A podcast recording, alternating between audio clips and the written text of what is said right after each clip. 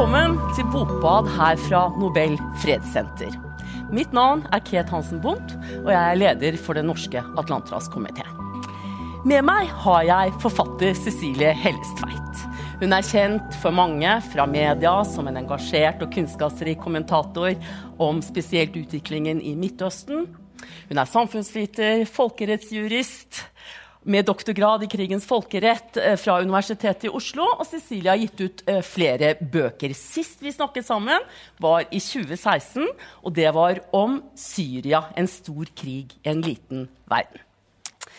I dag skal vi snakke om den seks år lange krigen i Jemen, som er tema for Cecilies siste bok. 'Ulykksalige Arabia verden etter Jemen' ulykkelige Arabia, verden etter Jemen. Vi har den med oss her. En tittel som spiller på romernes navn for Jemen, Arabia Felix, eller Lykkelige Arabia. Et navn som i dag ville fortonet seg som et hån mot de mellom 100 og 120 000 menneskene som har mistet livet i denne brutale konflikten. Etter seks års krig er 80% av Jemens befolkning avhengig av humanitær hjelp utenfra for å klare seg. Akkurat det er en av grunnene til at vi nå står her på Nobel fredssenter for å snakke om Jemen. Bak oss ser vi bilder fra fjorårets fredsprisutstilling, som ble til etter at Verdens matvareprogram ble tildelt fredsprisen for 2020. Utstillingen har bilder fra Jemen og andre steder i eh, Midtøsten og i Jemen er sult benyttet som et våpen fra de krigførende partene. Cecilie, du skriver at når det gjelder kompleksitet, rager Jemen i verdenstoppen. Det er de væpnede konflikters Rolls-Royce. Det er altså ikke noen konflikt for nybegynnere. Jemen er nemlig landet der andre stater gjerne drar for å slåss mot sine allierte. Kan du trekke opp litt teppe av de aktører, drivkrefter og motiver vi finner i Jemen, dette landet som for oss fortoner seg lenger vekk fra Nord-Europa, som du skriver, enn noe annet sted på kloden? Ja, altså Jemen er jo langt unna på mange måter. Det er langt unna geografisk. Sånn, Det er jo det landet som er lengst unna i araberverdenen, egentlig. Eh, og det er veldig få nordmenn som egentlig har et forhold til, til dette landet. Men som vi kommer inn på litt seinere, så dette er et land som ikke har en egentlig fungerende statsmakt. Mm. Så det er på en måte et land som også er så langt unna Norge som det er mulig å komme når det gjelder organisering av samfunnet. Og for meg har det to effekter. Det ene er at eh, jeg beskriver hvordan samfunn fungerer når du ikke har de institusjonene og normene som vi er vant med i vestlige land, og hvor kanskje Norge og Skandinavia er fremst i verden som rettsstater, hvor folk har tiltro til institusjoner og til demokratiet og osv. Og, så uh, og dette her er helt andre enden. Uh, og da får man samfunn som er veldig ulike vår, uh, oss selv. Og det er klart, når man leser denne boken, så tror jeg noen tenker at dette her er jo nesten som en reise i en tidsmaskin. Men dette er en samtidsfortelling fra det 21. århundre. Så det er det ene. Men det andre er at når du ikke har en statsmakt som kan ivareta utenrikspolitikk og sikkerhetspolitikk på vegne av staten, da kan alle komme inn og blande seg inn. Mm. Og det er det Jemen er. Det er et land hvor eksterne makter har blandet seg inn i alle år. Og de siste la oss si, 100 år etter, at, eh, etter den første verdenskrig, og du på en måte fikk det moderne Midtøsten begynte å ta form, så har Jemen vært et sted hvor alle stormakter, og for så vidt regionale makter, har slåss. Så jeg kaller det jo da for et slags røntgenbildeapparat for geopolitikk, egentlig. Eh, og det gjør at det er jo en bok som ikke bare handler om dette samfunnet veldig langt unna oss, eh, men som også tar for seg dynamikk i verden i dag som går på regional maktkamp. Og så går det på global maktkamp. Så jeg har på en måte laget en sånn bok hvor man starter innerst med Jemen, og så går man i, som ringer i vannet, har jeg kalt det, utover og ser på eh, hva dette sier om forholdene i araberverdenen i dag. Hvordan de er som krigførende nasjoner.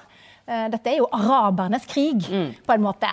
Eh, og hva på en måte Jemen-konflikten sier oss om det jeg kaller vår skakkeverden ved inngangen til 2020-tallet. Ja. Og det er på mange måter en konflikt som foregår i hvert fall i tre nivåer. Du har også den lokale konflikten internt i Jemen, mellom ulike klaner, mellom ulike deler av dette landet som tidligere var splittet, med et marxistisk Sør-Jemen. Og disse um, fjellklanene oppe i nord som grenser mot Saudi-Arabia. Så har du den regionale konflikten, som til dels vi skal komme tilbake til, som dreier seg om kongemakten i Saudi-Arabia og innflytelse og makt i Midtøsten og Gulfregionen. Og du har da også det tredje nivået, som er stormaktskonstellasjonene. Hvor man gjenfinner altså amerikanere, russere, kinesere, europeere. Og de har vært her i mange, mange år. Du har fått mange gode anmeldelser. Uh, jeg synes En var morsom. Gunnar Kagge i Aftenposten som skriver dette er som en løk. Man skreller en løk, og man gråter mellom lagene. Fordi det er en brutal eh, konflikt. Men du klarer altså på knappe 300 sider å nøste opp eh, aktørene, drivkreftene. Og du har klokelig nok utstyrt boken med kart og kompass kart over Jemens ulike områder og kart over Gulfområdet, som vi skal få opp eh, senere.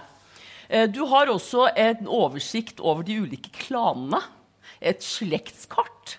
Eh, og en tidslinje over viktige begivenheter. Og det er veldig nyttig for å holde tunga rett i munnen, må jeg si. Men det er jo en fascinerende og veldig interessant bok du har levert.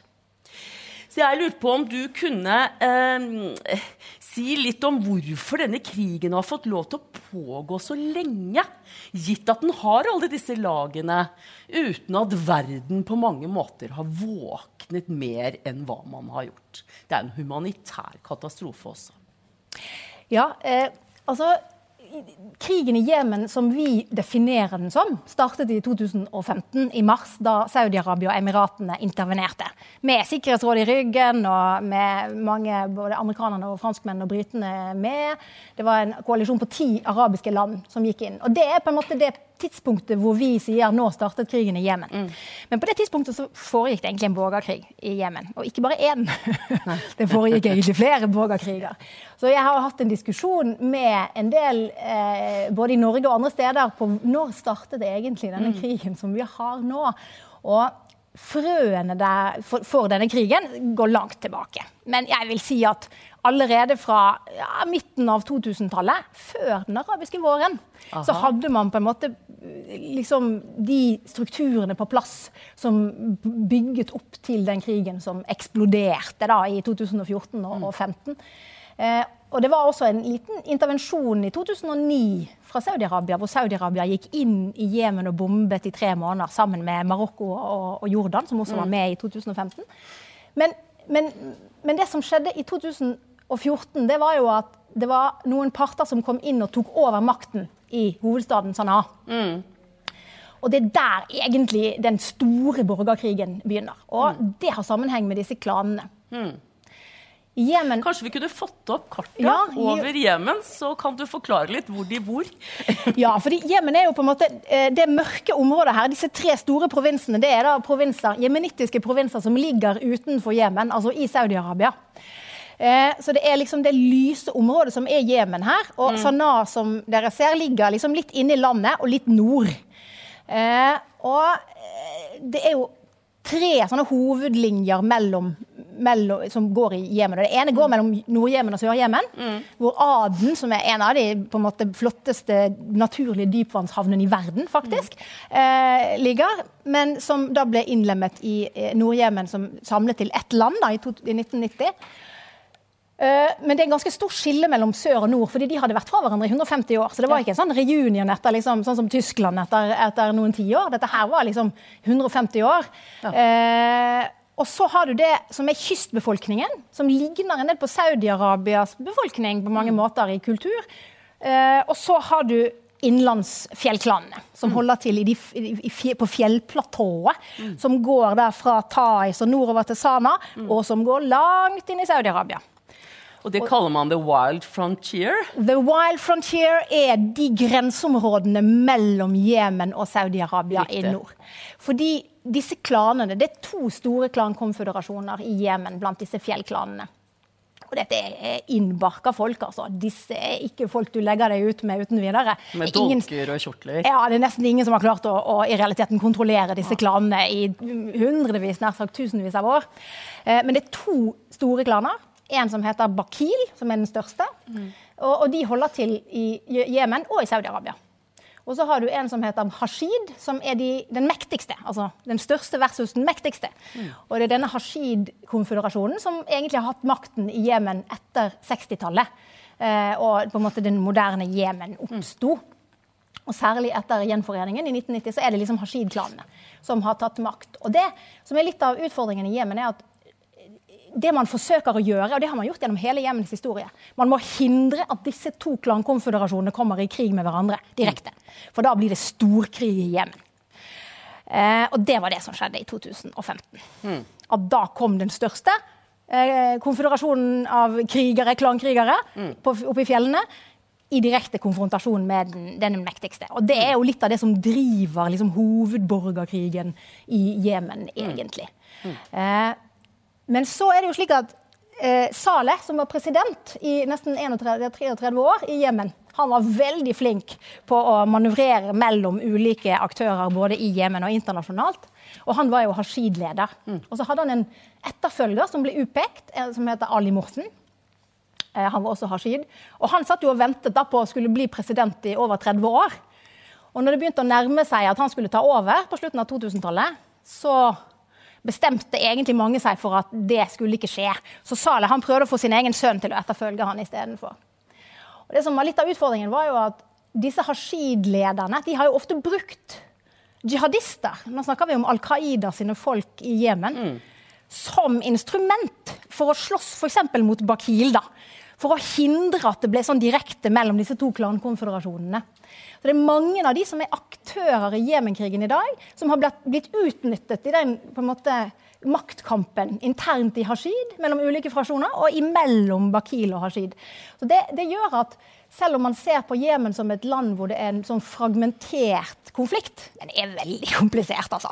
Og dette som jeg har skrevet, jeg har brukt et år på å prøve å forenkle det. Eh, eh, handler egentlig om eh, sånn maktkamp internt i en relativt liten klikk, altså. Som, eh, som siden 2015 har vært på hver sine sider i, mm. i den store konflikten mellom, mellom, eh, mellom nord og sør. Fordi houthiene, som vi jo kjenner til, som er, denne, eh, er en ideologisk bevegelse, egentlig, som baserer seg på en ideologi som ligger ganske tett opp til Iran Riktig. og som har støtte fra Iran, de har da inngått en allianse med denne Bakil, som er den største klanen. Og Det er liksom forklaringen på at det man gjerne snakker om som en liten litt sånn ideologisk bevegelse oppe i fjellene, hvordan klarer de å holde kontroll over så store deler av landet? Jo, det er jo fordi de har disse klanene med seg. sant? Så det er det som egentlig er liksom det bakenforliggende teppet til, til krigen i Jemen, som på en måte gjør det veldig vanskelig. Men på den andre siden så gjør det det jo heller ikke så vanskelig, fordi dette er jo klaner som har en krigerkultur. Så de har hatt krig i ja. ja, la oss si i århundrer. Og de har også gode sånne mekanismer for å slutte å krige med hverandre. Eh, og det har man sett opp gjennom historien. Problemet var at når du får eksterne aktører som blander seg inn, når Saudi-Arabia, Emiratene, Iran og etter hvert også, ja, også globale aktører kommer inn, så har de helt andre behov enn de lokale klanene. Så du har hatt flere ganger i løpet av denne konflikten på seks år hvor Bakil og Hashid har egentlig vært klare for å legge striksøksen i bero, men da er det utenforstående land som har sagt nei, det passer ikke oss. Nettopp. Og vi har da vært innom både Iran og Saudi-Arabia, som er kanskje de krigende partene i Jemen. Eh, hvor de har en stedfortrederkrig, noe vi skal komme tilbake til. Men jeg syns det var veldig interessant det du sa om eh, em, jihadistene. Eh, fordi du nevner jo også i boken at dette, du kan liksom ikke dele disse klanene sånn klart ut ifra sjiaer, som da skulle sidet opp med Iran, og sunnier, eh, som befinner seg på den andre siden. Det er liksom ikke noe klare trekk her. Eh, så det går på kryss og tvers mellom de interne aktørene. Men det du nevner, er at både Al Qaida og til dels IS har hatt en trygg havn i Jemen. Og du beskriver Jemen som nav for globale jihadister. Og det står veldig mye i boken din om um, f.eks. 11.9. USA, hvor halvparten av terroristene var saudiarabere med jemenittiske bånd. Ja. Fordi disse klanene går over grensene. Du skriver også om jemenittiske fremmedkrigere i Afghanistan langt tilbake på 80-tallet, hvor bin Laden eh, satte seg eh, fast der og kjempet mot Sovjetunionen, men også i Irak. Og at dette i sin tur har påvirket jihadistscenen i Jemen. Og så sier du at så lenge det er krig i Jemen, så er Al Qaida trygge. Ja. Al Qaida har nærmest evig liv så lenge de kriger i Jemen. Kunne du forklare det litt? Ja. altså Jeg forsøker jo å plassere en del av de store terroroperasjonene som folk kjenner til. USS Cole i år 2000 mot et amerikansk skip. Eh, Underbukseangriperen eh, fra 2009. Eh, og, og, ikke minst eh, 11. september-angrepet, som jo hadde en tett tilknytning til, til, det som foregikk i Arabia på den tiden. Og det var det som var grunnen til at det var så mange fra Saudi-Arabia, så mange med jemenittisk bakgrunn. Eh, og også for jemenitter som på en måte dro til Afghanistan på 80-tallet. fordi da var jo Sør-Jemen hadde britene forlatt, men det var jo blitt et kommunistisk, marxistisk mm. land. Det var det eneste marxistlandet i den arabiske verden. Så for jemenitter som dro da, så var de jo gjerne flyktninger. De var blitt drevet bort og dro til Afghanistan for å slåss mot Sovjetunionen, som de mente var okkupanter i deres egne, eget land også. Mm. Og når de kom tilbake igjen etter 1990, så ble de benyttet av Hashid-klanen oppe i nord, da, disse, disse som, som, har sittet med den militære mm. makten. De ble benyttet for å egentlig angripe de fleste fiendene de hadde. Både politisk, i valg, men også sånn eh, separatister i sør. Så jihadistene i Jemen har blitt brukt som verktøy både av på en måte på, i en periode av Saudi-Arabia, men seinere av ledelsen i Sanaa, for å mm. enten eh, sørge for at du vinner valg, sørge for at du holder separatisten i sør i ro, mm. sørge for at du ikke får en sånn konflikt mellom disse to store klankonføderasjonene. Mm. Så jihadistene har hatt veldig mange eh, viktige funksjoner internt i Jemen. Mm. Og det har gjort at det er mange jihadister i mm. eh, Eh, men så skjedde det noe på 2000-tallet når vi snakker om denne her eh, eh, maktkampen mellom Saleh og han, Ali Morsen. Og det var Ali Morsen som var med på å sende jemenitter til Afghanistan på 80-tallet. Han hadde masse kontakt med bin Laden på 90-tallet. Og han sørget også for at jemenitter dro til Syria og mm -hmm. inn i Irak og for å slåss mot amerikanerne på 2000-tallet. Så det var masse jemenitter i, Irak og slåss mot amerikanerne i, i, løpet av eh, de første årene av den amerikanske intervensjonen der. Mm. Og da slo de seg sammen med eh, Mossab el-Sarkawi, som var liksom IS sin eh, opphavsmann. Og han var ekstremt voldelig. Han var, hadde en ideologi som var veldig anti-shia-muslimsk. Og når de kom tilbake til Jemen på slutten av 2000-tallet, så endret jihadistscenen seg i, eh, i Jemen. Det ble mye farligere. Også fra et sånn eh, globalistisk eh, synspunkt. Og det var litt av foranledningen for at både amerikanerne og Emiratene og en del andre de tenkte at Ali Morsen som er på en måte jihadistenes mann, han kan ikke bli president i Jemen. For da får på en måte jihadistene sin mann til, som statsleder. Det kan vi ikke tillate. Eh, men så kom jo den arabiske våren. Eh, og da eh, ble Saleh presset ut. For Saleh var jo da amerikanerne og Emiratene sin mann, og så hadde du han Morsen som var Saudi-Arabia sin mann. Hmm. Ikke fordi Saudi-Arabia ønsket å støtte Al Qaida, men fordi det er også en stor fiende av Saudi-Arabia. Mm. Men fordi dette hadde med klansystemet å gjøre. Det er veldig viktig for Saudi-Arabia å kontrollere det klansystemet. Og der var det noen konstellasjoner som gjorde at det ble nødvendig. Mm. Og så kom eh, den arabiske våren, og den mannen som da tok ansvar og tok over og sørget for at Saleh ble presset ut, det var jo Ali Mossen, selvfølgelig. Ja. Det var jihadistenes mann. Så eh, i dag så er han visepresident eh, for Hadi, som jo er den presidenten som Jemen har, og som Sikkerhetsrådet støtter, og som skal vi si, amerikanerne og britene og franskmennene støtter. Nettopp. Og dette skal vi også vite at det, det, linken mellom Jemen og Charlie Hebdo-angrepet i Frankrike i 2015, mm. den er også, mm. det ble på en måte beordret uh, fra Jemen og ble utført av, av franskmenn som hadde vært trent. Av Al Qaida i Jemen. Så, så, det er klart, her er det, det, det er mange veldig vanskelige partsforhold uh, som er, er, til stede, og som på en måte linker seg opp mot utviklingen i Jemen. Jeg, for, jeg, jeg forsøker å forklare hvordan det har seg at det er slik. Og så prøver jeg å forklare at det betyr ikke at man med vilje støtter Al Qaida. Men det som er utfordringen er jo at Al Qaida er jo blitt og det skriver jeg på en måte også på slutten, at Al Qaida i Jemen har jo blitt en slags vokter av evig krig. Mm. Fordi i det øyeblikket du går mot en fred i Jemen, mm. så vil Al Qaida og IS være mm. veldig imot. Så det er jo en sånn stor, mektig, potent spoiler for å få en, en fred i Jemen som på en måte skal vare lenger. Og det, det er en veldig foruroligende situasjon egentlig for jemenittene. Jeg utfordrer de som hører på, til å lese boken, eh, spesielt den første delen, og rydde opp i klansamfunnet, fordi det er eh, en rekke tråder man skal ta, eh, kan følge der, til viktige begivenheter som vi egentlig har sittet og lest i overskriftene etter den arabiske våren i 2011, som har rammet Vesten, ikke minst jihadistangrepene du ville legge til noe? Eller så skal vi ta ett nivå lenger opp? Ja, før vi går ett nivå lenger opp, så vil jeg også bare si at at dette her er jo en beskrivelse av et samfunn som er veldig veldig forskjellig fra vårt. som mm. er også, jeg, jeg, drar de parallellene noen ganger.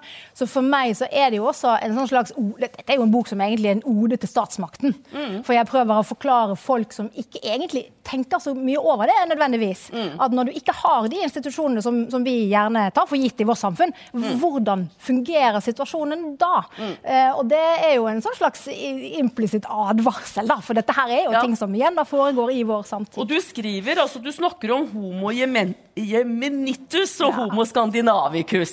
Ja. Eh, og setter de opp som to ytterpunkter. Det er her du skriver også at eh, det er liksom ikke noe sted som er så langt vekk fra Nord-Europa, også sånn mentalt, kanskje som Jemen.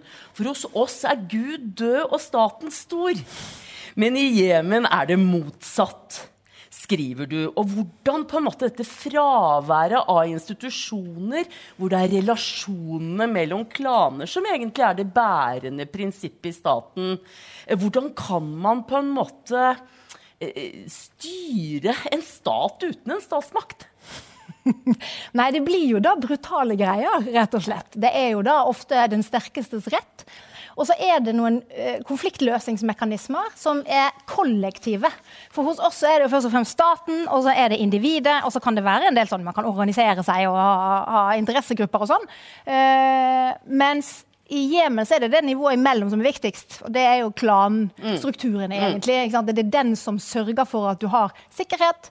Eh, fordi et samfunn uten stat er mm. veldig usikkert. Mm. Eh, kvinner har veldig grelle eh, livsbetingelser i mm. samfunnet uten stat. Mm. Eh, jeg skriver ikke så mye om det. det. det. som ble skrevet om kvinner, har, tok jeg ut på et tidspunkt fordi det mm. introduserte en helt nok en ny dimensjon. Eh, men det er på en måte alt som går på økonomi, på sikkerhet, han, forvalter stat, denne klanen. Mm. Og rettssystemet. Og rettssystemet. Hvor blodhevn faktisk fortsatt er en del av uh, strafferegisteret, og hvor man kan betale seg ut av eh, eh, mord og drap. Ja, fordi, fordi, disse klanene har vært så sterke, så måtte jo på en måte De som satt i Sanaa i sin tid, de måtte tilby klanene noe for å late som de var mm. medlemmer av denne staten. Og det klanene sa da, ok, greit, vi kan liksom formelt være med, men vi skal ha vårt eget eh, klanjustissystem, mm. og der er det blodhevn og, og eh, blodpenger. Sant? Så mm. hvis du dreper et menneske, så, så, er det slik at da skal det en, en annen drepes på en måte for å gjenetablere en balanse, eller du kan betale for det på en måte, det mennesket var verdt. Og det kan være penger, det kan være våpen. Det er veldig ofte våpen som er på en måte betalingsmiddel. Dette fikk vi jo et veldig grelt eksempel på når det var en norsk student som ble drept av en jemenitt i London.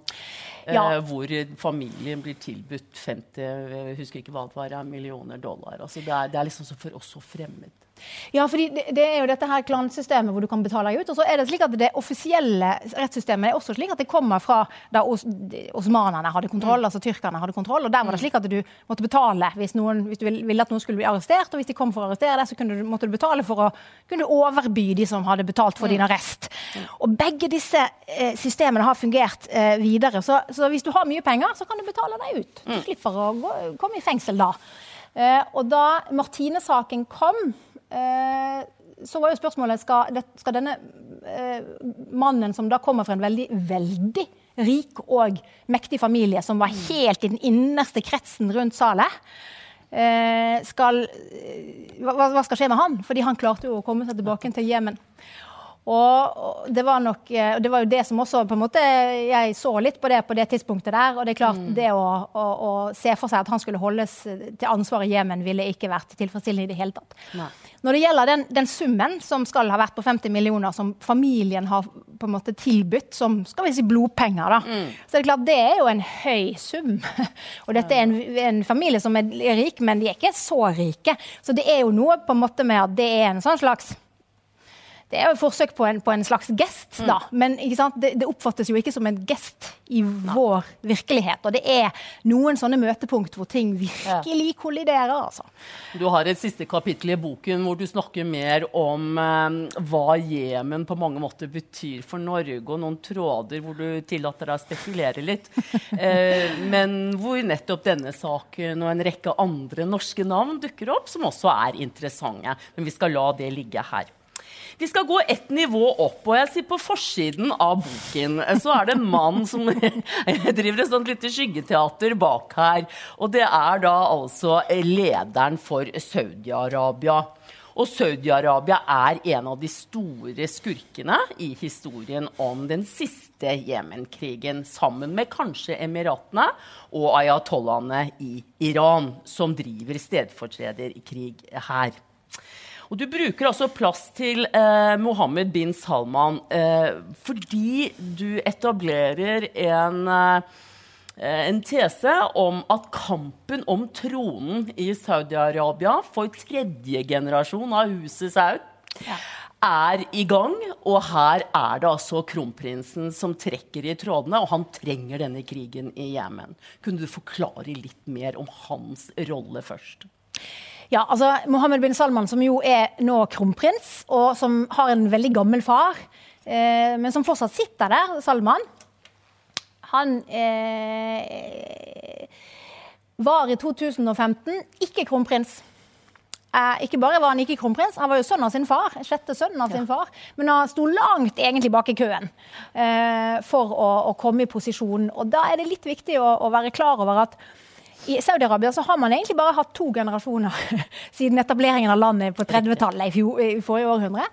Og det er jo fordi at man har lurt på hvem skal arve denne tronen? Fordi Bin, altså Ibn Saud, som var eh, landsfaderen, han giftet seg jo med mange hundre kvinner, eller i hvert fall 130 eller noe slikt. Som ikke var fordi han var så glad i kvinner bare, det var han for så vidt også, men det var jo statsbygging. Mm. Så det er jo noe med å komme fra Jemen, når du på en måte har liksom begynt å skjønne det systemet der, og så kommer du til Saudi-Arabia, så er jo det egentlig litt sånn et Jemen, men som er temmet gjennom inngifte på toppen. Så den kongefamilien som vi forholder oss til i Saudi-Arabia, den er blitt veldig stor. Mm. Fordi alle de store slektene de måtte jo inn i kongefamilien hvis du skulle på en måte holde kontroll. Alle de store klanlederslektene. Mm. Så gjorde at i andre generasjon da, så hadde man ca. 40 prinser som kanskje var styringsdyktige. Mm. Men det er klart når alle disse har fått sine barn igjen, tredje generasjon, der har du ca. 200 prinser mm. som er styringsdyktige. Og i andre generasjon så har det vært eh, brød, mellom brødre. Mm. Og alle vet at det lar seg ikke gjøre i tredje generasjon. Så det er en sånn implisitt kunnskap om at i det øyeblikket man går til tredje generasjon, så kommer det til å bli fra far til sønn. Det vil si at den familien som lander på tronen i tredje generasjon, kommer til å arve rett og slett hele kongeriket. Så det har vært en kamp i Saudi-Arabia som har foregått i nesten tre tiår. Mm. Forberedelsen på den suksesjonen. Mm. Og da Salman tok over i januar 2015, 15, så gjorde han noen grep som, som, gjorde at han egentlig sa 'etter meg'. så kommer tredje generasjon. Mm. Så da ble det da kvis, sant, Alle kvestet knivene sine, og, og, nå var det innsatsen. Mm. Eh, det var nå det gjaldt, da. Eh, og Mohammed bin Salman han var da utnevnt som forsvarsminister. Som på det tidspunktet ikke var egentlig en veldig viktig post i Saudi-Arabia. fordi det var andre institusjoner som satt både med pengene og med våpnene. Mm. Men da han gikk til krig i mars 2015, da ble plutselig ja, da ble forsvarsministeren er jo mye viktigere hvis du er i en krig, eh, en eksistensiell krig sågar, med et naboland. Så det gjorde at Mohammed bin Salman etter hvert både kunne få mer og mer penger, og så kunne han hente liksom, institusjoner fra sine rivaler. Særlig han som da var kronprins, Naif. Mm. Mm. Så, han, så MBS han sørget jo for at i de neste par årene så kom han etter hvert i en posisjon hvor han rett og slett hadde støtte i så mange miljø hjemme. Hadde tatt kontroll over de ulike sikkerhetsorganisasjonene på hjemmebane. var det noe som, som gjensto. At han egentlig eh, kunne gå hen og vippe den andre prinsen av tronen. Mm. Og det som var veldig viktig i den sammenheng, var jo at MBS eh, og MBZ, altså Emiratene sin kronprins, de hadde et nært forhold til Trump-administrasjonen fra mm. dag én. Uh, og fikk støtte fra Trump-administrasjonen for denne operasjonen. Og det, det, gjorde at det var mindre risikabelt enn det, enda ellers ville, ville vært. Uh, men, men, MBS men uten, ja, men uten, og mm. eh, MBZ, som du sier, ja. de har samarbeidet ja. i konflikten. Men de har også hatt motstridende mål innimellom. Her har du igjen en litt sånn forvirrende aktørrelasjon. Ja, altså jeg beskriver jo MBZ som, som de facto-regent i Emiratene som en av mm. verdens mest strategiske statsledere. Mm. Eh, og han er, har en veldig evne til å forutse utviklingen og til å plassere seg selv veldig gunstig i forhold til å ivareta tarvet til sin egen nasjon. Han driver også med sånn statsbyggingsforetak på hjemmebane. Mm. Eh, og, og, som jeg var inne på i sted, så, så var han sammen med amerikanerne i Jemen og støttet Saleh. Men Saudi-Arabia sto på motsatt side, ja. sammen med jihadistene. Og det Emiratene sin kronprins gjorde i 2015, var at han skiftet side. Mm. Så Emiratene gikk egentlig til krig sammen med Saudi-Arabia mot, sine, mot, mot sine venner, med sine fiender. Og når kronprinsen, når MBS var blitt kronprins i 2017, da kunne MBZ begynne å tenke på sine egne interesser i Jemen. Så det gjorde at særlig fra 2017 så hadde du mye motsetninger mellom Saudi-Arabia og Emiratene i Jemen. Og ja, de til, til dels direkte militære sammenstøt. Og dette er mannen Jim Mattis, eh, Trumps eh, forsvarsminister, kalte Midtøstens eh, mektigste mann. Ja, eller sågar en av verdens mektigste. En av verdens mektigste mann er det du siterer her, og det er MBZ. MBZ. Men... Lederen for Emiratene. Som vi kunne fått opp et lite kart her over Gulf-området. Så kunne vi sett litt hvordan disse landene ligger i forhold til hverandre. Eh, og det er, jo, det er jo en strategisk eh, region. Dette er verdens oljebrønn. Eh, det er de som beslutter oljeprisene i verden gjennom OPEC og gjennom samarbeid. Eh, også fordi de sitter på den oljen som er billigst å få piplene opp fra sanden. Men denne skal ut i verdensmarkedet. Eh, og vi har Hormostredet eh, hvor Saudi-Arabia kan skipe ut sin olje, eh, men hvor Iran kontrollerer på mange måter skipsfarten. Og hvor Emiratene eh, er på andre siden av stredet og kan eh, sende ut sin eh, olje uten å være sånn innelokket som Saudi-Arabia er. På den andre siden så har man altså Rødehavet med Suezkanalen. Vi så alle hvordan det gikk når et stort containerskip bare gikk på tvers der. Da var uh, veldig mye penger uh, tapt. Ja. Uh, så dette er jo både en helt strategisk region for olje, tilgang på energi, men også for verdens handelsruter. Og det forklarer vel også noe av hvorfor denne konflikten er så viktig. Ja, det forklarer det. fordi som, som, man kan se på det kartet her, så er jo på en måte Saudi-Arabia er jo fanget, fanget mm. inne. egentlig. De er stengt inne av ørken. De har ikke direkte tilgang på havet. Altså, skal de, Bortsett de må, fra Hormuz. De må gjennom eh, Hormuz. Der uh, kontrollerer Iran mm. uh, og så må de, Eller så må de gjennom Suez, som Egypt kontrollerer. Og forholdet mellom Saudi og Egypt det har jo i perioder vært skikkelig dårlig. Um, og så har du Jemen.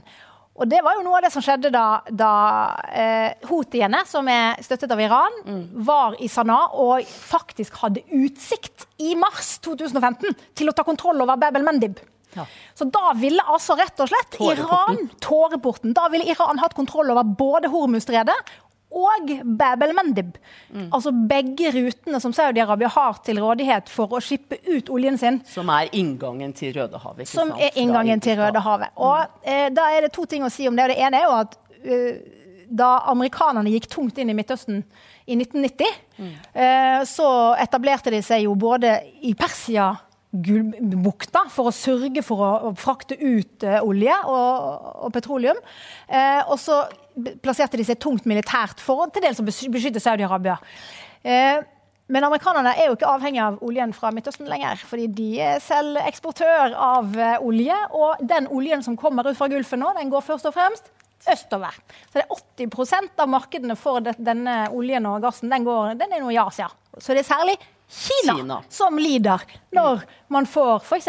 stengt Hormuzstredet.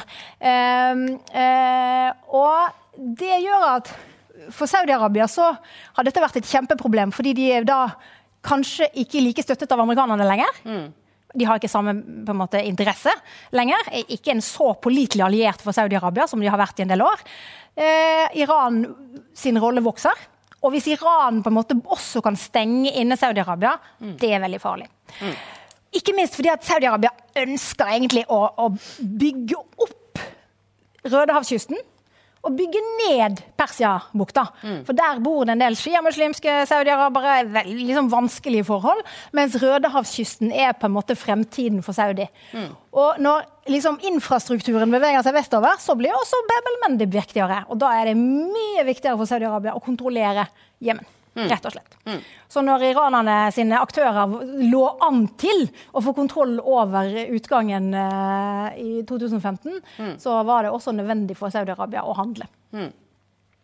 Og det er selvsagt eh, shale oil og gas som har gjort at amerikanerne er selvforsynte med olje og gass. De har jo vært helt avhengig av Midtøsten tidligere.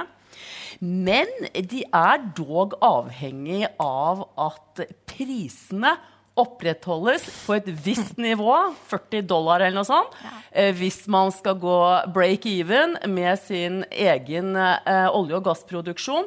Og her har også MBS vært ute og rørt litt i åpent hav overfor amerikanerne. For han liker ikke at USA er i ferd med å liste seg ut av Midtøsten, som du skriver.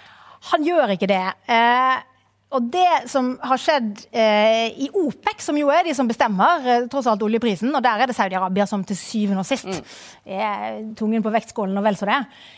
Fra 2016 så inngikk MBS et eh, samarbeid med Russland, hvor du har en sånn OPEC pluss-organisasjon. Eh, og det gjør at eh, Saudi-Arabia på en måte har liksom strukket ut en hånd, eller MBS rett og slett, eh, personlig nærmest, strukket ut en hånd til bl.a. Eh, Russland. Eh, hvor de noen ganger, for russerne produserer også ganske billig olje, hvor de har sammenfallende interesser i å presse amerikansk shale gas ut av markedet, f.eks. Og samtidig så er jo kineserne der, eh, og russerne er jo på jakt etter måter å presse kineserne på. og Det samme er MBS. Så det er også litt med hvordan disse redskapene tas i bruk, som oljepris f.eks., av MBS og prøve å finne andre allierte enn amerikanerne. Ikke fordi han nødvendigvis skal presse USA mm, veldig, men for å vise at det, det kan MBS gjøre. Hvis amerikanerne lar han i stikken. Fordi det er liksom ikke noe tvil om at det er jo USA som er Saudi-Arabia sin store, eh, viktigste samarbeidspartner. Men eh, MBS, og MBZ faktisk også, har etter hvert kommet i en posisjon hvor de kan Eh, de kan på en måte implisitt true amerikanerne med at det blir veldig vanskelig for dere hvis ikke dere tar hensyn til våre interesser. Så, så det at både russerne og kineserne jo kommer inn i Midtøsten igjen, har gitt fyrige prinser som MBS og MBZ mye større handlingsrom Ja. i forhold til uh, hva de kan tillate seg. Uh, hvordan de kan på en måte planlegge sitt eget tarv på godt og, og på vondt. Og nå er vi i grunnen beveger vi oss opp i eh, den eh, geopolitiske konkurransen. Konkurransen mellom stormaktene. Utformingen av en ny verdensorden som faktisk er uh, i gang. Og har vært i gang en stund pga. Kinas økte innflytelse og makt. Men også her trekker du trådene tilbake til Jemen-konflikten ja. og Gulfen. Og det er uh, interessant å lese. Eh, så kanskje du kunne si litt om dette pikante trekantsdramaet USA, Iran og Saudi-Arabia. Hvordan det har utviklet seg gjennom fra Obama. Vi husker Kairo-talen, hvor han henvendte seg i 2009 til den islamske verden. Til egentlig Trumps Abrahamsavtale. Oppsigelsen av Iran-atomvåpenavtalen. Og det har egentlig gått skjedd litt ulikt også fra amerikansk side. Kunne du dra oss litt igjennom eh, de begivenhetene? Ja, fordi eh, jeg tidfester vel den eh, beslutningen hos USA til å si vi er for tungt inne i Midtøsten. Dette her koster veldig mye mer enn det mm. smaker. Strategisk har vi ikke bruk for det lenger. Vi får ikke de resultatene vi vil med militære virkemidler. Vi må endre på den strategien. Og den, Det var det jo Bush 2 som egentlig besluttet i 2007-2008, mm. og så videreførte Obama det.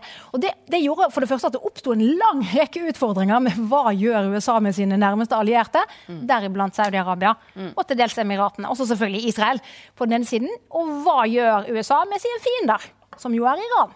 Mm. Og da får du det, det trekantforholdet mellom Saudi-Arabia, som er da den litt sånn eh, Jeg kaller dem sånn forsmådde eh, elskerinnen til, til, USA, mot denne rivalen som kommer inn, som er Iran.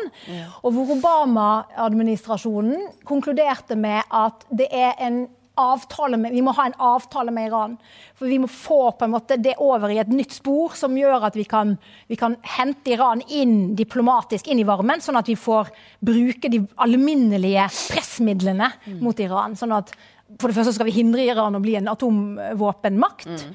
Som handler om mye mer enn Iran. egentlig. Det handler om å hindre at hele Midtøsten og Afrika blir eh, kjernevåpenaktør. Og det, mm. det er kanskje det som det punktet hvor absolutt alle store, mektige makter i verden er helt enige. Mm. Her er det helt sammenfallende interesser mm. mellom USA, Russland, Kina og Europa. Mm. 100 Men alle andre tema er mye mer kompliserte. Eh, men det var på en måte det som var Obamas inngang. Da, at vi må få en avtale med Iran som gjør at vi kan hente Iran inn i varmen. Og det har jo Saudi-Arabia motsatt seg med nebb og klør. Mm. Eh, og det har gjort at eh, selv om du fikk denne avtalen som in ble inngått i 2015, som var samme året som Saudi-Arabia gikk inn i Jemen. Så Jemen-krigen startet liksom parallelt med at denne atomavtalen mellom USA og, og, Iran og verdenssamfunnet startet. Og den prosessen med Iran gikk jo skikkelig dårlig. Og det var ikke bare Trump. Den var, gikk dårlig allerede før. Ja. um, men når Trump kom inn, så brøt jo han fullstendig og sa nei, Iran skal ut igjen i kulda. Mm. Uh, og det har jo gjort at Jemen etter hvert for Iran ble veldig viktig. Mm. Fordi Jemen er Saudi-Arabias bakgård. Det viktigste landet for Saudi-Arabia å ha kontroll over. Mm. Uh, det er det viktigste landet å hindre Iran å ha kontroll over. og, og, og, det har blitt på en måte brukt av, av Teheran på mange måter som et sted hvor de kan presse partene. Fordi mm. Fra sommeren 2017, da Trump-administrasjonen annonserte egentlig at vi kommer til å presse Iran ut i kulden igjen på alle måter, mm. så startet helt andre typer angrep å komme fra Jemen inn i Saudi-Arabia. Mm. Da økte det plutselig med 1000 km.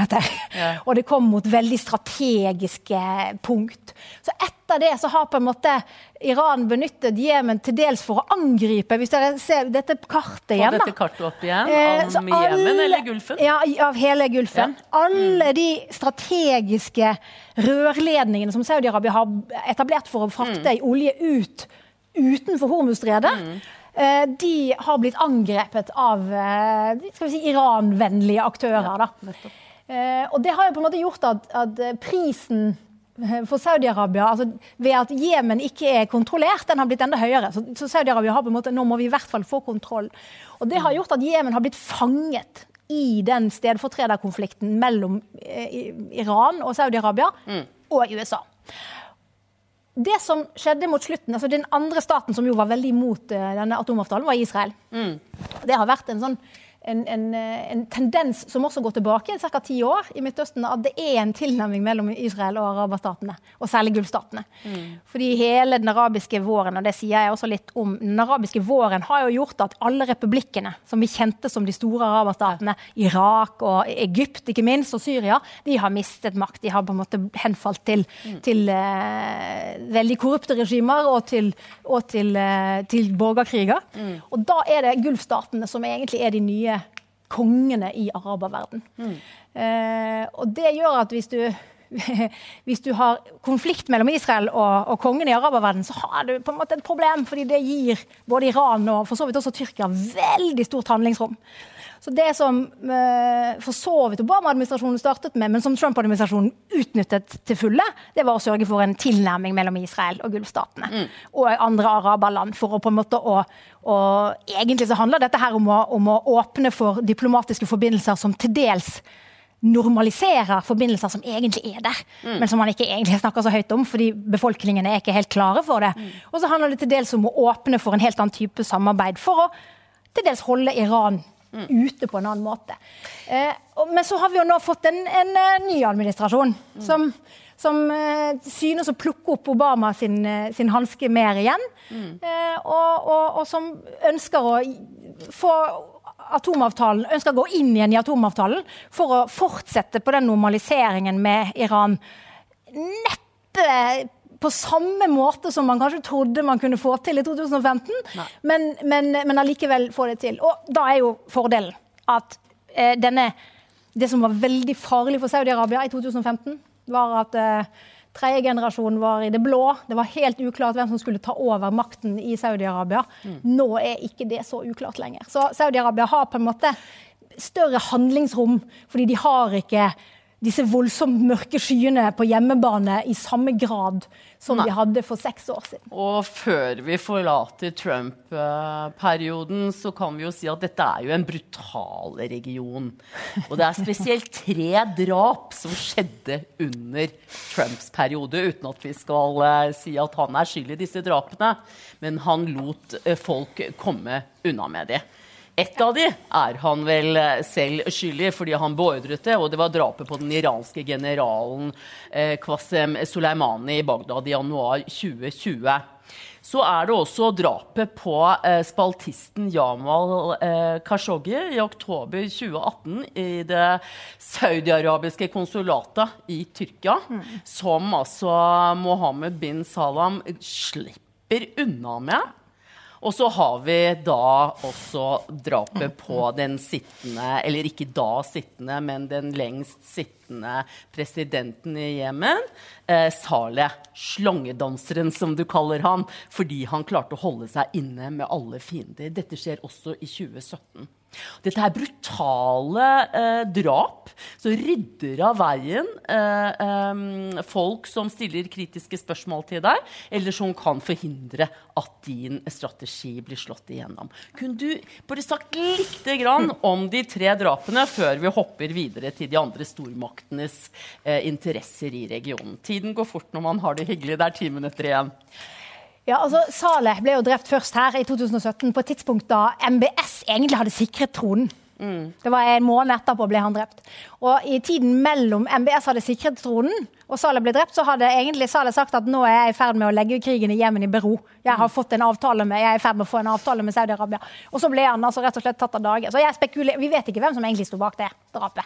Ja, men var, Du kommer var, med syv ja. svar, så det sier jo noe om at han har mange fiender. Du spekulerer litt i det. Ja, jeg benytter anledningen til å gå gjennom en del av de aktørene som er viktigst i Jemen, for å se hvem var det egentlig som hadde både anledning, men ikke minst motiv ja. til å eh, hindre at Jemenkrigen ble lagt i bero. Eh, og kan Nettopp. de ha stått bak dette drapet, som jo er en sånn Dette får vi jo aldri vite, og jeg, det er ikke forsøk på en etterforskning i det hele tatt. Det er en spekulasjon som er på en måte villet. Eh, Men, men jeg landa jo på hvem jeg regna med sto bak, og det var jo Teheran, tror jeg. Ja. Um, For de ville ha nytte av at krigen holdtes varm. og, det, ja, og det er jo først og fremst uh, ikke for å ødelegge for Saudi-Arabia, men mer for å ødelegge for, eh, for amerikanerne, rett og slett. Uh, og så har du dette drapet på Khashoggi, som uh, MBS jo anses å stå bak. eh, Det var en CIA. Det var en partering for åpen mikrofon, eh, og alle anser at han var ansvarlig for den. Og dette var jo tre uker etter at denne Magnitsky Act i USA hadde fått global anvendelse, som gjorde at Trump, og for så vidt også Biden, har hjemmel for å gå etter MBS, for han er jo ikke sittende statsleder. Kan du forklare hva det er? Eh, Det betyr at amerikanske domstoler har anledning til å gå etter mennesker som bryter menneske, altså som begår grove brudd på menneskerettighetene. Eh, og hvis du ikke er statsleder, er du statsleder så er det litt annerledes, men hvis du ikke er statsleder, hvilket jo MBS ikke er de facto, eh, så kan du ramme. Så han hadde på, både Trump og Biden har på en måte hatt instrumentet, mm. men har likevel valgt å si at eh, Trump sa jo jeg tror ikke på at MBS har noe med dette å gjøre, mens Biden har sagt at eh, vi regner i grunn med det, men vi, men vi eh, har viktigere ting våre', mm. som i praksis er det. Og det er klart, for Jeg har jo noen teorier om, om hvordan dette her ble tenkt, og det, det går jo inn som en del av MBS sin, sin, sitt forsøk på å få kontroll over interne eh, aktører. Så jeg anser at, at det drapet var eh, ja, trolig ganske kalkulert. Om ikke det var så kalkulert, så har det i hvert fall kunnet utnyttes av MBS og hans nærmeste på veldig gunstige måter.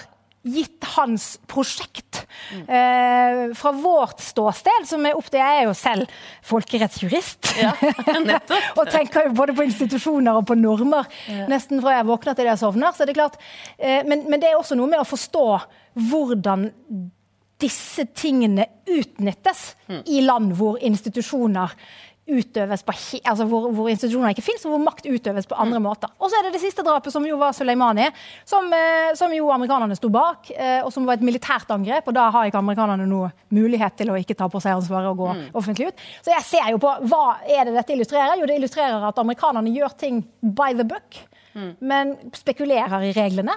Eh, iranerne de gjør ting under overflaten og kan aldri holdes til ansvar. Mens Saudi-Arabia de går rett på og bryter reglene og viser at det har de makt til å gjøre. Som også på en måte blir et, et poeng da, i, i den Midtøsten som jeg beskriver i denne boken.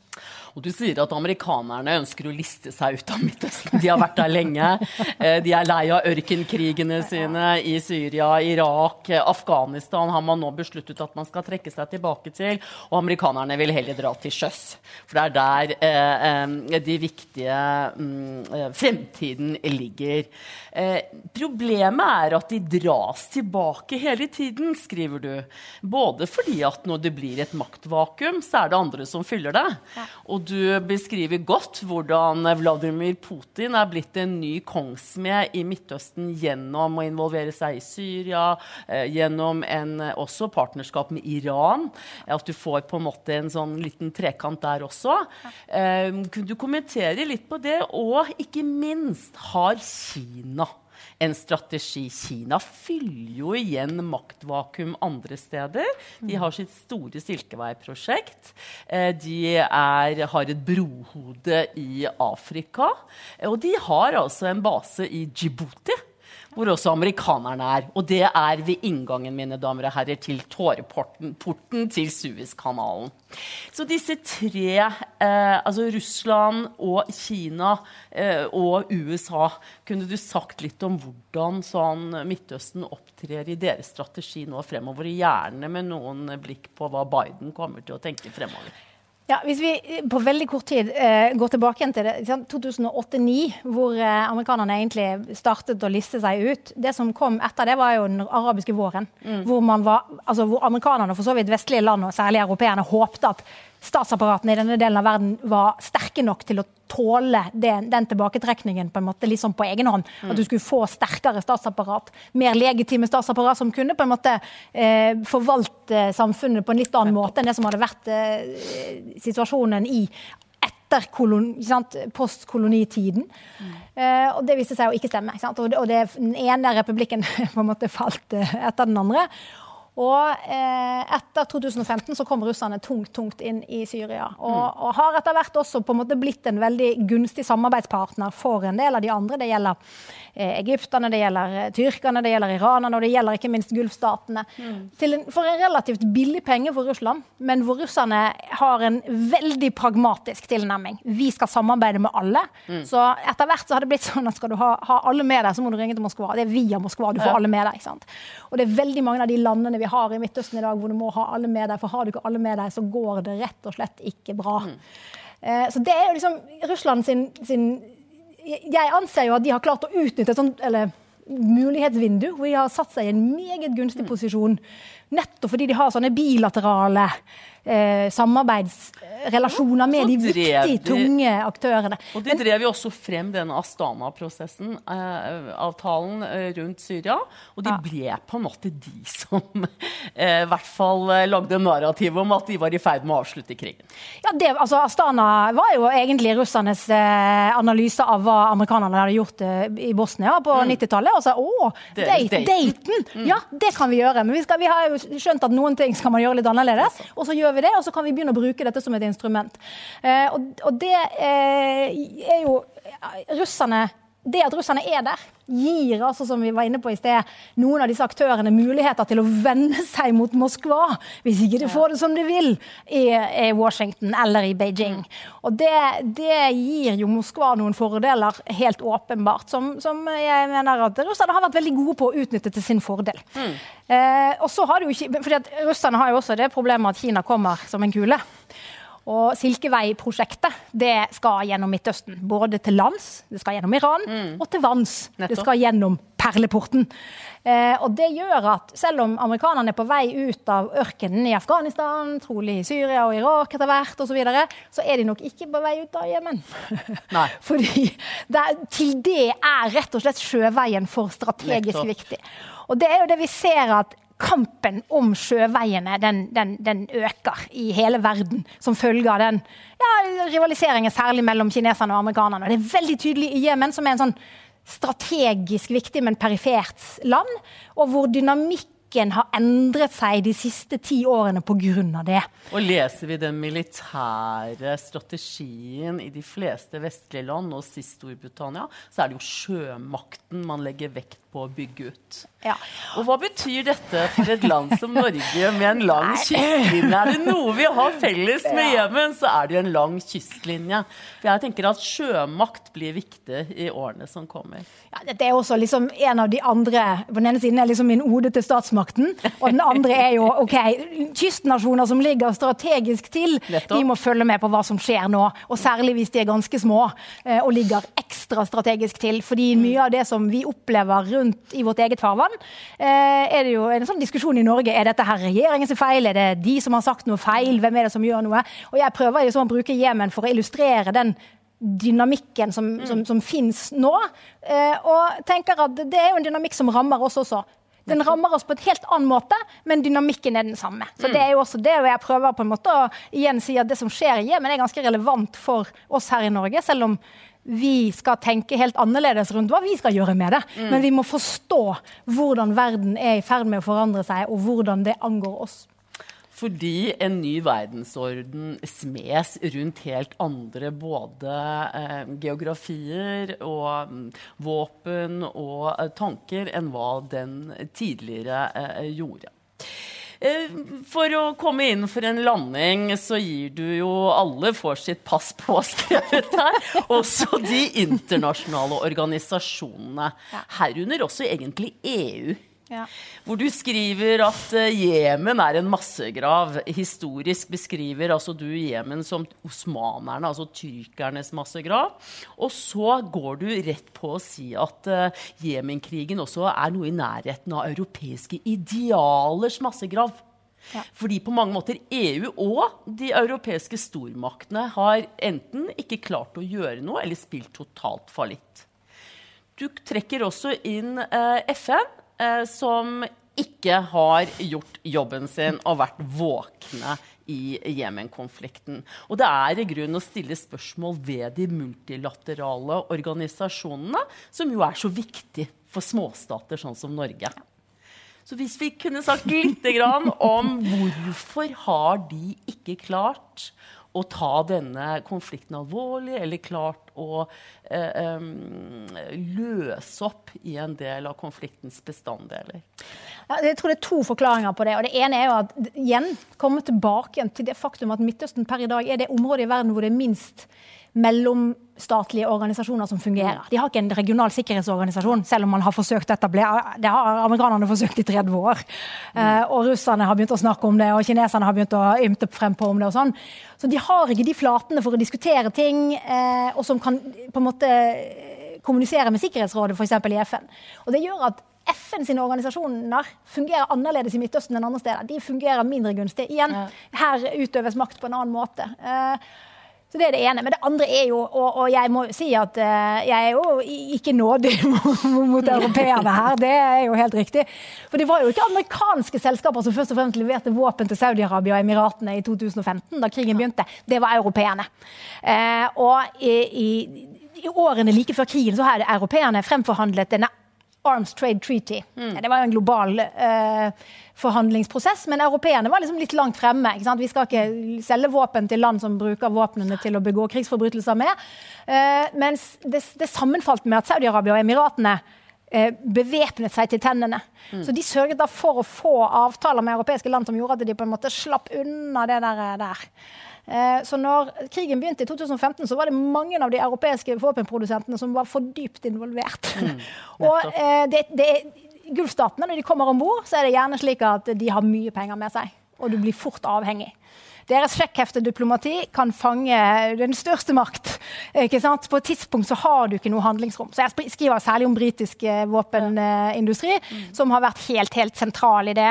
Eh, og så er det klart, Oljefondet er jo også inne i bildet her. fordi vi, Oljefondet eier jo også aksjer i en del av de selskapene som har levert eh, våpen til disse krigførende aktørene. Ikke så veldig mange. Ja, jeg sitter jo der også selv, så det er jo også sågar ris til egen bak, om du vil. Så det er ingen som blir spart i denne boken. Eh, men, eh, men, eh, men, det er en forklaring på hvorfor det er slik. Men det er jo ikke en veldig lystig Nei. forklaring. fordi det er også, på en måte Min analyse det er jo også at den dynamikken som har oppstått i stormaktsrivaliseringen mellom de store aktørene i verden, gjør at den form for normhåndhevelse som et land som Norge ønsker å ha, mm. er det ganske dårlige forhold for i dag. Og etter mitt skjønn mm. kanskje de neste 10-15 årene. Mm. Jeg tror jo at i det øyeblikket verdens eh, nye ordning setter seg. Vi vet ikke helt når det skal skje, men jeg tror det er ganske mye turbulens mellom nå og det tidspunktet hvor det eventuelt skjer. Og da kan vi være i en annen fase igjen. Men akkurat nå er vi i en fase hvor det er veldig krevende med, med det. Og det er klart sultkatastrofen mm. i Jemen er kanskje den grelleste eh, effekten av det. Mm. Fordi der har alt sviktet. Mm. Amerikanerne forsøkte. Britene forsøkte. FN forsøkte. Eh, men ingen klarte å holde, holde Gulfstatene i tøylene på den måten som var anstendig mm. og nødvendig for å hindre den sultkatastrofen som har, har kommet i Jemen i kjølvannet av krigen. jeg tror det er grei, et greit punkt å stanse ved. Eh, denne boken av Cecilie Hellestveit er kjempespennende. Det er en thriller, det er en dyster og mørk historie. Men det sier også ganske mye om den verden vi lever i i dag. Eh, vil også takke deg for en veldig spennende samtale her vi står foran disse jemenittiske kvinnene. Og du sier også vi har ikke fått snakket om dronekrigen, vi har ikke fått snakket om eh, en befolkning hvor halvparten av befolkningen er under 15 år, som har vokst ekstremt raskt de siste 20-30 årene. Og helt opplagt en sivilbefolkning som lider. Tusen takk for at du skrev boken. Tusen takk for at du kom hit. Tusen takk, takk for, for at jeg fikk komme.